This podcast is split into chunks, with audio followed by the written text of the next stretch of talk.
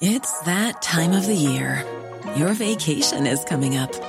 You can already hear the beach waves, feel the warm breeze, relax, and think about work. You really, really want it all to work out while you're away. Monday.com gives you and the team that peace of mind.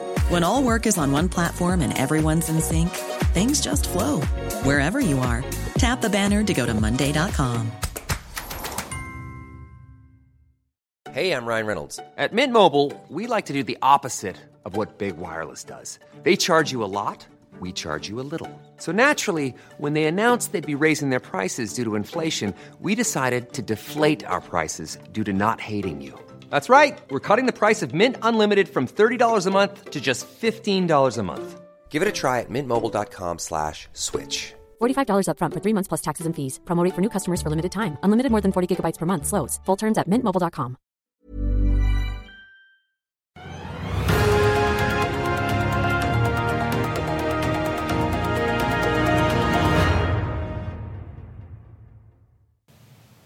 En riktig god mandag og velkommen til Økonominyhetene, som nå også er tilbake etter sommeren, idet kalenderen altså viser 14. august. Vi har med oss Trygve Egnar på en dag der Kinas eiendomsmarked skaper får vi si, ny uro. Arendalsuken sparkes i gang, og der ting skjer i redningsoperasjonen i ladeselskapet Easy i Stavanger. Hovedindeksen den steg jo rundt halvannen prosent i forrige uke.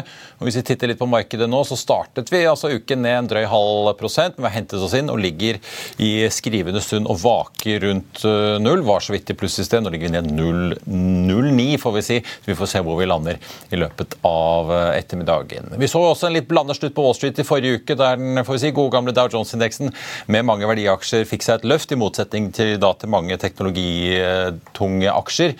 Eh, og I dag er futures til Wall Street i pluss så langt. Får vi se hvordan det starter om en times tid rundt oss i Europa. Litt blandet etter en dårlig start på børsuken i Asia. Mer om det straks. Oljeprisen har hentet seg litt inn igjen fra nivåene vi så tidligere i dag og vaker rundt 86 dollar fatet for nordsjøoljen. Amerikanske litt over 80 82. Men vi må nesten begynne med det kriserammede elbilladeselskapet Easy i Stavanger, en av de store aktørene i ladebransjen der nede i Rogaland. For i dag kom det frem at selskapet nå har klart å få inn 60 millioner i frisk kapital. Bl.a. fra en av de eksisterende investorene, som nå også er med på den nye kronerullingen, Gustav Magnar Witzøe, som gjennom sitt Whisky Capital da bidrar med noe av pengene. I tillegg til friske penger så skjer det også ting på toppen av selskapet. Gründer og daglig leder Jonas Helmik Henrik Støl flyttes over til et eh, styreverv og skal ikke lenger være daglig leder. Det blir også nye nedbemanninger. Nye 200, får vi si, for de har jo kuttet en del allerede. Nye 200 skal ut av ISI for å få antall ansatte da internasjonalt og i Norge ned til totalt 150, idet man altså ifølge selskapet selv forsøker å gjenreise ISI. De har jo slitt med at jordfeilsystemet i laderne deres har kommet eh, i søkelyset til flere lands eh, myndigheter. Det begynte med en salgsopp i Sverige i mars. Og Ifølge en oversikt fra Teknisk Ukeblad så er det nå salgforbud i Belgia, Nederland, Danmark, Island og Østerrike. Men det kan da bli utvidet til en full europeisk salgsstopp. Selskapet selv mener laderne deres er trygge, men lover også at nye ladere skal være på vei. Og det er heller ikke får vi si, lagt noe bruksforbud på eksisterende ladere. Konkurrenten Saptek, som jo er børsnotert, har jo blitt påvirket av nyhetene fra konkurrenten over tid nå. I dag har vi sett at Saptek har krøpet jevnt og trutt oppover og ligger nå opp rundt 4% så langt i år. Er Saptek opp saftige 45 andre nyheter som det er verdt å få med seg. Kongsberg Gruppen har hoppet rundt en halvprosent nå i ettermiddag på nyheten om at eh, det britisk ledede International Fund for Ukraine altså bestiller antidronesystemet Cortex Typhoon fra Kongsberg og Teledyne til rundt da 750 millioner kroner for Kongsberg Gruppens eh, del, i hvert fall. Selskapet har jo allerede da levert NASAMS luftvernsystemet til Ukraina. Det er også endringer i ledelsen i fornybarselskapet Skatek. Mikkel Tørud, som jo er et kjent navn i norsk sol- og fornybarbransje, forlater nå Skatec etter ni år. Han har vært eh, mange år i både REC og BP, og i Skatec har han altså vært finansdirektør, og nå det siste halvåret ansvarlig for grønn hydrogen og Midtøsten og Nord-Afrika. Skatec erstatter Størud med Mohammed Amer, som eh, får plass i konsernledelsen med ansvar for grønn hydrogen og Egypt. Et land som jo er helt sentralt for Skatec om dagen. I tillegg så gjøres det også noen andre endringer i eh, ledelsen. Skatec slipper for øvrig også regnskapet sitt eh, nå på fredag, og da kommer konsernsjef Terje Pilskog med oss i Økonominyhetene. Skatec-aksjen ned snaue 2 i dag. Og da har jeg fått med meg Trygve Hegnar. Vel overstått sommer. Takk skal du ha. Velkommen tilbake for til deg. Takk. Og ikke før vi er tilbake fra både pappapermer og sommerferie og har begynt å komme i gang og Arendalsuken skal sparkes i gang, så er det problemer i Kinas eiendomsbransje igjen. Ja, altså Det er et, eh, etter min mening et stort problem. Et alvorlig problem. Fordi at, eh, men vi har jo da over flere år sett at det av og til kommer da liksom da bølger av snakk om kinesiske selskaper som gjør det dårlig. Og så har da eh, For et par år siden gikk et kjempeselskap konkurs. eh, Og så har det kommet et nytt selskap nå som da kursen har falt 30 i et par dager. Og Det er et problem i Kina det at de på en måte ikke har kontroll med da disse store eiendomsselskapene, som da belåner seg voldsomt, enorm gjeld, gjeldsbelastning, og så plutselig så blir etterspørselen borte. Så er det ingen som kjøper disse kjempeleilighetene, disse gårdene og disse byene som bygges opp. Og så klarer de ikke å betjene gjelden sin. Det er helt, he- altså helt etter boka. Og eh, nå har man da altså da hatt det tilfellet at et kjempeselskap ikke betjener gjelden. Og da er det full stopp, selvfølgelig. Og da skal, er det granskninger og undersøkelser og hva det måtte være, og, og kanskje delvis ny finansiering. Eh, Men så smitter det selvfølgelig opp alle andre som driver inn eiendom. Hvis, hvis de ikke klarer det, kan vi klare det? Og hvis renten går opp, vil, vil vi bli rammet av en renteøkning. Vi er inne i en skvis som forteller at eh, kinesisk økonomi er svak, dårlig ledet, og at de, da, de finansielle myndighetene ikke passer på. Vi har fått akkurat den samme skvisen som vi fikk for to år siden. Da Evergrande eh, ble Ja. slått konkurs. Men eh, vi så i forrige uke veldig svake handelstall fra Kina. Tosifret fall i juli både på import og eksport. Ja, Det er, er på toppen av det. Det kom før da, denne meldingen om dette eiendomsselskapet. Da, da kom meldingen om at eksport og import begge deler falt med 13-14% og det er jo ekstremt mye. da. Så at, altså, det ser ut som veksten i Kina nesten er stoppet opp. Det er ganske skummelt, fordi at Kina er en stor avtaker av mange varer fra utlandet. og så er det da på en måte Kina er fabrikken for mange utenlandske selskaper. og Hvis det stopper opp, stopper opp og veksten blir liten, og det samtidig er en boligkrise, så vil, jeg tro det påvirker internasjonal økonomi ganske sterkt. Og det påvirker også særlig da internasjonal shipping, hvor Norge har alltid hatt en ganske stor andel av virksomheten. Der enten det er kjøp og salg av råvarer eller er kjøp og salg av ferdigvarer. Eller hva det måtte være. Så, Så tørrlast er vel kanskje en sånn åpenbar eh, kun, det sier man, det er, her som ja, man må følge med på. Ja, de sier man det er opplagt at eh, da, Kina, hvis de kjøper mindre inn fra utlandet, så er det mindre frakter med tørrlastskipene, og det, det er mulig. men det, det er jo kjempevanskelig å si, men jeg, summen av det hele er at Kina nå er inne i en krise. for at Nå har det en kjempeboligkrise igjen, og nå kommer det kanskje samtidig med at mange andre land også har liksom sliter med å få vekst i økonomien, og det faller liksom litt både her og der, og prisveksten er for stor. slik at jeg syns det er et ganske dårlig tegn det som kommer fra Kina nå. Ja. Ganske dårlig tegn. Og det, vil- jeg tror det vil påvirke børsene verden over, men det gjenstår å se. Jeg merket meg Bloomberg skrev i dag at uh, en av de som har investert da, i eiendomssektoren etter det store fallet vi så for et par år siden, uh, en av landets største uh, altså, hva skal man kalle, hva si, altså Wealth Management-forvaltere, da, Shongxi Enterprise, som forvalter altså 140 milliarder dollar tilsvarende. Nå sliter de med å tydeligvis betjene gjelden sin, ifølge Bloomberg, fordi de har satt masse penger i eiendomspapirer som de trodde hadde nådd bunnen. Åpenbart så har de ikke det. Men det er det samme som vi har altså vi har det samme i Europa, vi har det samme i Skandinavia, vi har det samme i Norge og i Sverige. Tollefsen. Ja, Med Heimstaden. Ja, med Heimstaden. Altså, hvor man liksom har kjøpt uendelig 100 milliarder, 150 milliarder store poster, og så belånt det til 1% rente, ikke sant? Og så synes det var eller null, eller halv prosent. Og så viser det at renten plutselig er ikke 1 eller 0 lenger, den er 3 eller 4 eller 5. Og da er verdiene selvfølgelig dramatisk mye lavere, 30-40-50 lavere, og det går ikke. Og det er det samme jo i Sverige og Norge som det er i Kina. Ja. Overbelånte prosjekter, tatt utgangspunkt i at renten skal være lav hele tiden, hvilket den aldri er. Og så faller verdiene på de verdiene de har, og så faller verdiene på obligasjoner de hadde. Og så, ja, så det er, en, det er en trend akkurat nå som er ganske dårlig. Og Heimstaden Bostad kommer med kvartalsrapport senere i uken eh, Ja, i Sverige. Jeg tror den mange kommer til å følge med på den. Ja, men Vi hadde det samme i Sveits? Og i Amerika, hvor da banker på en måte da satt med papir de trodde var, var verdifulle. Så var de ikke verdifulle fordi renten økte kraftig og verdi, verdien på obligasjoner falt. Og så måtte de da søke om da refinansiering og til hjelp fra staten osv. Både i USA og i Sveits. Så vi er, så vi er, inne i en en bølge nå hvor, hvor det er realitetssans. Vi skal få verdiene ned på virkelige nivåer basert på den nye renten vi har fått. Ja. Og, og midt oppi alt dette, hvor bl.a. annet jernma- jernmalm og aluminium er under press, oljeprisen gjør det veldig bra. Nesten 90 dollar fatet. Ja, ja, ja, den er vel 86 dollar fatet. Ja. eller og den, og den, den var nede på 95, så da har i løpet av noen måneder gått fra 95 til 86. da. Ja. Men hvis du går tilbake et år i tid, eller litt tilbake i fjor, så var jo oljeprisen så vidt jeg vet oppe i 120 dollar på fatet. eller sånn.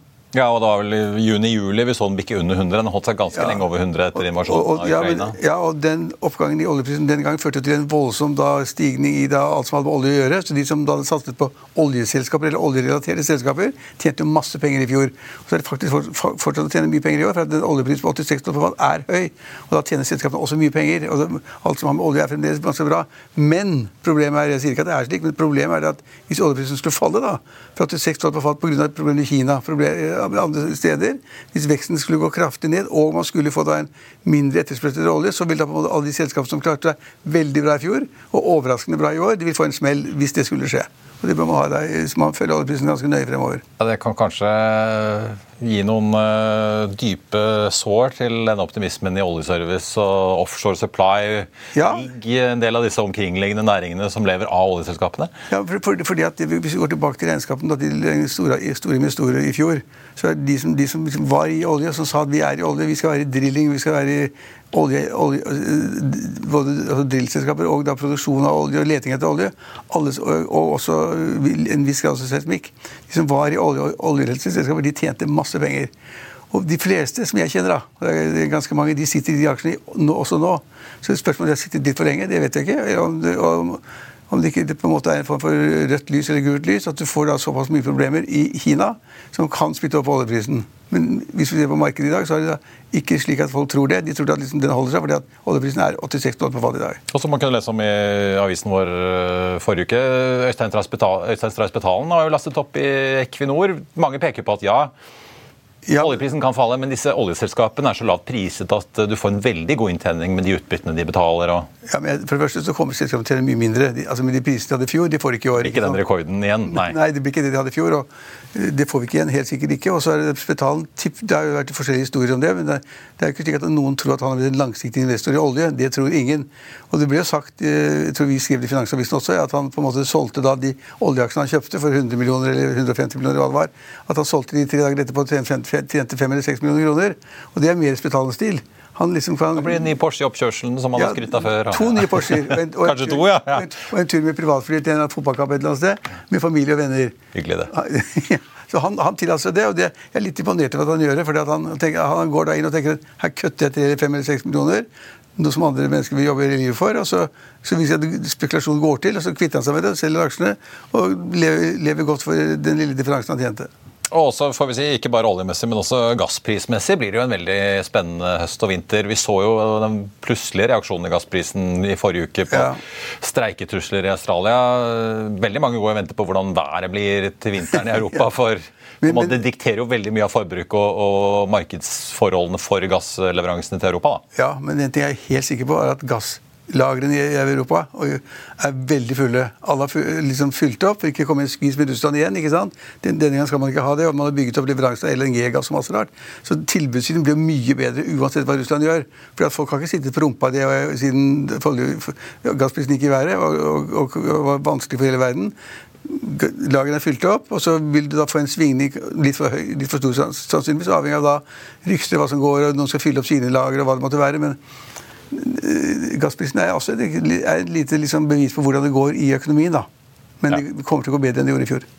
Det får vi i hvert fall håpe og øh, satse på. Så får vi se om også en del av europeisk industri får våkne til igjen etter å ha blitt stengt i fjor. Skal vi snakke litt om eh, det som skjer på torsdag denne uken? Eh, Ja, Det er jo veldig spennende, da. Ja, for det er jo Arendalsuke. Der skjer jo masse, skal være partilederdebatt på torsdag og sånn, som mange politisk interesserte vil følge med på.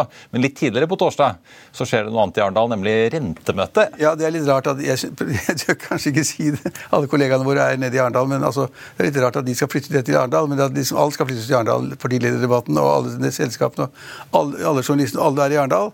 Og, og Norges Bank har da blitt med på å liksom da komme sin rentebeslutning på torsdag. Hvis ikke helt feil. Og Styringsrenten er på 3,75. og da er spørsmålet liksom da på torsdag i Arendal skal man da få meldingen om at den er, skal økes til 4% Det er jeg helt sikker på at den blir.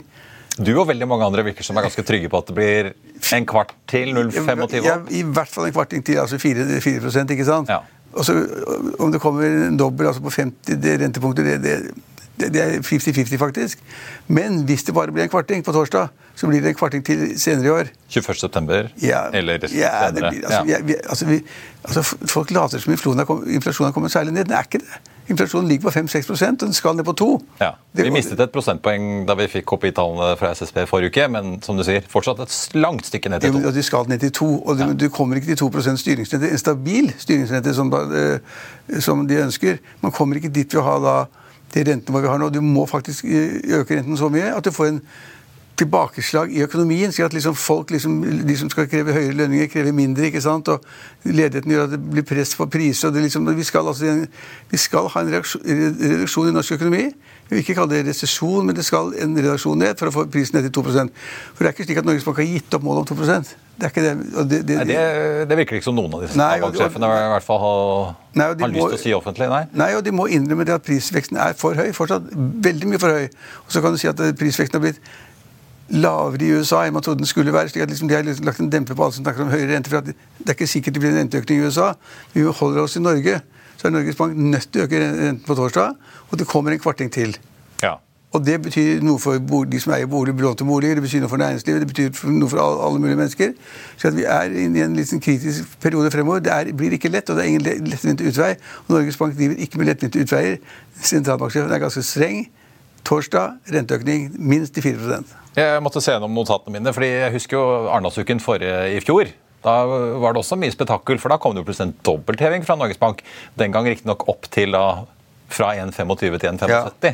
Men det var ganske mange som eh, sperret opp øynene da de på et mellommøte uten nye prognoser, uten nye konjunkturrapporter, slank på 0,5. Og nå har vi da kommet eh, to prosentpoeng til opp og er på 3,75, så vi får se om vi når da fire blank. Det skal vi, for at prisveksten gjentar meg selv, prisveksten er altfor høy. Det er ingen som kan i dag si at prisvekst på 4-5% er lav. Den er altfor høy. Og så kom det en liten melding i går som er ganske interessant, og delvis i dag, at de amerikanske rentene, de lange rentene øker. De som var på 4,20, 4,15 osv. Eh, og, og, eh, de korte er faktisk eh, lavere. Det skal, skal, egentlig være motsatt. Så rentenivået i USA er også på vei litt vei opp. Det er liksom også litt skummelt. Det, ja, vi, vi, vi, vi, vil få se en renteøkning i veldig mange land, fra USA til Norge. og Det betyr negative trekk i økonomien rundt omkring for å få da prisveksten ned. Så det, vi er der, dessverre. Så ble det sporet spørsmål om uh, Ola Nordmann faktisk begynner å stramme ordentlig inn. om den hvert fall, tendensen vi har sett i hvert fall den siste måneden i boligpristallene, om det vedvarer? da? Altså, jeg er rimelig sikker på det. at... Og sier altså de i bransjen. Det man først må huske på det at det tar seks-ni måneder fra man øker renten til man ser effekten i økonomien. skal gjennom hele, hele økonomien. Så den uh, renteøkonomien vi får på torsdag, den vil da på en måte virke, virke realøkonomien det kanskje om seks eller ni måneder. Så det tar litt tid. Og øh, den prosessen må vi faktisk igjennom. Og da vil vi se, Hvis da det stemmer, så vil inntjeningen i selskapene bli lavere. Da vil folk være villige til å betale mindre for selskapene. Jo, ja, Vi kunne jo lese om i dag hvordan uh, Maxbo ikke har hatt det sånn veldig hyggelig den siste tiden. De er jo bare en av mange i handelen, i hvert fall, men det blir kanskje enda tøffere for dem? Ja, altså jeg mener at Vi ser det helt klart både i boligmarkedet vi ser det i handelen. altså Folk kjøper mindre av alt mulig rart. De kjøper mindre av eh, båter, de kjøper mindre av biler. de kjøper Bilbåt, grill, ja. ja de, kjøper, de går, ikke på, ja. går ikke på disse sentrene og kjøper nye griller og ja, boremaskiner. De gjør ikke det. Altså, jeg ser at det er en klar dempning av aktiviteten når det gjelder solgte kjøp av konsumvarer. Den går ned. Og Hvis da det skjer det som vi nå snakker om nå, nemlig at, at blir satt opp på torsdag, så blir det enda sterkere press på å bruke mindre penger for de familiene som ikke har så store reserver, og som ikke har så mye å gå på. Trygve, til slutt, eh, Du har skrevet om elektrifiseringen eh, i Hammerfest som regjeringen nå vil eh, gjennomføre. Noen vil sikkert lure på om den famøse batterifabrikken til Egnar tar turen ned og har stand i Arendal for å få seg noen subsidier? Ja, det burde den gjort. Altså, skal man drive batterifabrikk i Norge eller utlandet, så må man ha statlig støtte. Og den største fabrikken vi har, altså da Freyr, den har jo da fått en garanti på 4 milliarder kroner. Og ny sjef? Og ny sjef, Men også har de da fått et tilskudd på 1 milliard fra EU EU bidrar til norske batterifabrikken, og staten gir da 4 milliarder i garantier og støtte, som gir, betyr at man kan få lån til lavere rente, for at staten garanterer for lånene. Så hvis jeg skal ha min batterifabrikk opp og gå, og konkurrere med tyske, japanske, kinesiske, amerikanske batterifabrikker, så må jeg ha masse statlig støtte. Bare be regjeringen sende pengene, så skal jeg komme i gang. Bare hive seg i bilen og kjøre til Arendal. Men fra spøk til alvor, vi skal faktisk da få med oss Lars Kristian Bakker, sjefen for Morrow Batteries. Men vi skal til eh, Arendal, så får vi se hvordan byggingen går. Byggingen er i hvert fall i gang, eh, med hjelp da fra Veidekke. Før vi tar en titt på hvordan markedet ser ut til å lande i ettermiddag, så skal vi høre litt fra gjesten vi hadde på Børsmorgen i morges. Da snakket vi nemlig om Offshore Supply med sjefen i Golden Energy Offshore, Pirivar Fagervold. Ikke bare har selskapet annonsert et oppkjøp av skip til nesten en milliard, de er nå i ferd med å forberede en emisjon med hjelp av bl.a. Arctic Securities. De prøver å spe på oljeinntektene med oppdrag for havvindnæringen. Og som du kan høre her, så er det ikke minst fint lite bygging av nye skip om dagen. Selv om det snart har gått ti år siden oljebremsen begynte å slå inn for fullt. Bare hør her. Du, du sporer spørsmålet der rundt dette her med, med, med hva, hva bygges det? Eh, og svaret er jo at det bygges jo ingenting. Ingenting. ingenting. Altså Hvis vi skal gjøre en repeat av Empress og Duchess i dag, så kommer den over 500 millioner. Uh, når du setter på Det bygges jo walk to work-båter. Ja, walk to work-båter Ja. bygges det. Ja. Men også altså PSV. Ja. ja. Og PSV-er skal du ha en større enn på 1100 kvadratmeter, sånn som den som vi har som Swan, så er du nærmere 700 millioner. Og der er altså ikke markedet. Så det øh, det skjer ikke, og da er det ganske litt sånn konsensus i markedet at prisene på secondhand-verdiene skal opp, og det, det, det, det er spekulert i tall på 30-40 videre opp. Det høres ut som noe veldig riktig tidsånd med litt gjenbruk, ikke bare bygge nytt hele tiden, eller hva, Karl Han? Vel, her er mange muligheter her. Ja. Men eh, helt til slutt, eh, Karl Han, jeg snakker litt om navnet på selskapet. Ja. Ja. Ja, nei, altså, vi det er jo Golden Ocean på Oslo Børs, Ja, men det er jo andre selskaper. Nei, men det er flere selskaper som heter Golden Energy uh, i Asia. og driver med kulldrift og sånn, men vi har jo snakka om det her på forhånd også, så vi er jo enige i at, uh, at det fins bedre navn enn dette her. Og, og Tidewater er jo tatt, det er jo et genialt navn.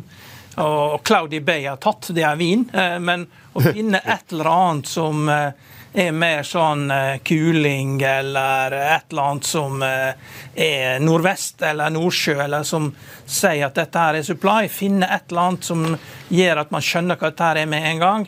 Det, og det klarer dere helt sikkert mye bedre enn vi klarer her. Sikkert masse flinke folk på Sunnmøre kan komme med gode navn. Så at dette, man skjønner med en gang hva dere er for noe. Ja, altså Dette ligger på agendaen, og Ja. det kommer til å skje relativt snart. Ja. Så, så det her blir et navneskifte, og, og, og eh, ja. Nå har vi fått tipset fra deg. det finnes jo et Stad-torsk. Det kan jo være at man skal kalle seg selv Stad-torsk. hovedeieren av Oktria er jo et genialt navn, Ja, ja. ikke sant? Ja. men de bryr ikke seg så mye hva andre heter. ikke sant? Men dere, denne designprosessen må jeg Dere får ta den videre på, Nei, jeg, jeg på, med kaffen. Dette klarer de sjøl. Dette klarer de selv. I'll see you in court. Vi sier det ofte litt på spøk, men for deg som driver business, er det aldri moro å innse at du ikke har laget en 100% gyldig kontrakt. Du bør ikke risikere hele firmaet ditt fordi du synes dette med kontrakter er litt stress. En avtale er ikke en avtale. Du kan miste kunder, miste venner, ja, til og med miste inntekter om du ikke lager en skikkelig kontrakt, på alt mulig, egentlig. Men vi vet det er et styr. Kopimaskiner, tregprinter og haugevis av papir. Dessuten stoler vi jo på folk her i landet. Det er ofte litt kleint å skulle be om en signatur for alt mulig, ja, for mye av styret handler også om jakten på underskriften. Det finnes en enkel måte å løse dette på, Dukkobit, en trygg, effektiv og get this, gratis måte å sikre seg en god natts søvn pluss en juridisk bindende avtale. Dukkobit-appen har de strengeste sikkerhetskrav i bunn, samt en EU-godkjent og sertifisert teknologi. Framover vil det bli behagelig å spørre du, skal vi skrive under på det, eller? Kom i gang på dukkobit.no.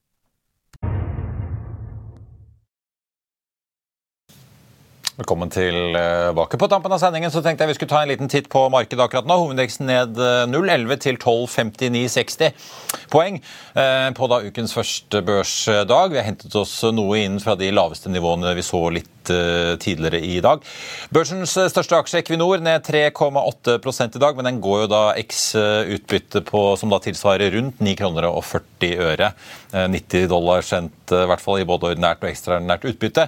Vi var innom Easy da, som varsler nye nedbemanninger, endringer i ledelsen, og også at de da har fått eh, nye millioner inn i en kapitalinnsprøytning fra primært da eksisterende eiere. Konkurrenten Saptek opp 1,9 eh, i eh, dag, har mistet noe av høyden, eller noe av den kursoppgangen vi så litt tidligere, men likevel fortsatt ser den ut til å lande solid i grønt. Kongsberg Gruppen opp eh, 0,9% i dag, ser ut til å få en ganske pen utvikling, da bl.a. etter meldingen om at de har solgt antidronesystemer medlemmer eh, til en allianse som støtter Ukraina. Golden Ocean, vi nevnte jo Kina og også hva det kan ha å si for tørrlastmarkedet. Rederiet ned 1,3 i dag. Og så er det da Skatek, hvor det er endringer i ledelsen, ned 3,1% Den aksjen har mistet ganske mye fart utover dagen. På Børsmorgen i morgen så snakket vi om ryktene som fortsetter å svirre rundt Autostore, og hva de potensielt kan få ut av et uh, speku, si, spekulert uh, forhold til amerikanske Amazon. Den aksjen opp 4,2 i dag. Hexagon Purus opp litt over to på kontraktsnitt. De fikk jo da ordrer i Nord-Amerika på 150 millioner dollar. Og så har vi da TGS og PGS. PGS ute med oppkjøp av egne aksjer. TGS ute med finansieringsnytt for et multiklientprosjekt i Sørøst-Asia. Og så har vi også Elkem, som også skal kjøpe egne aksjer. De er opp 2,5% Ellers så ser vi rundt oss i Europa at det nå ser ut til bare være markedet i Tyskland som ender i pluss i dag. Dagsen opp 0,25. Ellers er det stort sett rødt jevnt over hele linjen. Og så er vi da bare en drøy halvtime unna starten i det amerikanske markedet, der futuresene nå har snudd til rødt. Så da ser det ut som det kan bli en litt sur start i USA også, etter at Asia får vi si, ledet an med ganske solide fall på de store indeksene der i natt og i morgentimene. I Finansavisen i morgen så kan du lese Trygve Hegnars eh, stemningsrapport fra valgkampen. får vi si. Han tar for seg SVs ønske om å stanse alle nye hyttefelt. Det blir også børsintervju med SEB-analytiker Thomas Svendsen. Du kan lese om hvordan småsparerne kontrollerer SAS-aksjen i Norge.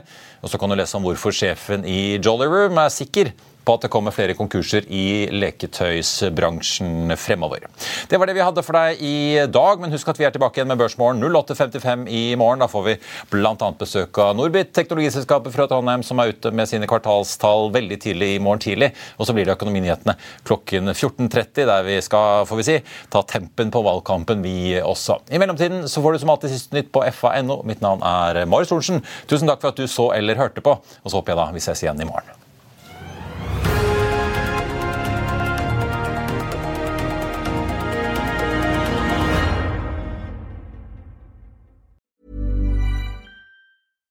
Hi, I'm Daniel, founder of Pretty Litter. Cats and cat owners deserve better than any old fashioned litter. That's why I teamed up with scientists and veterinarians to create Pretty Litter. Its innovative crystal formula has superior odor control and weighs up to 80% less than clay litter.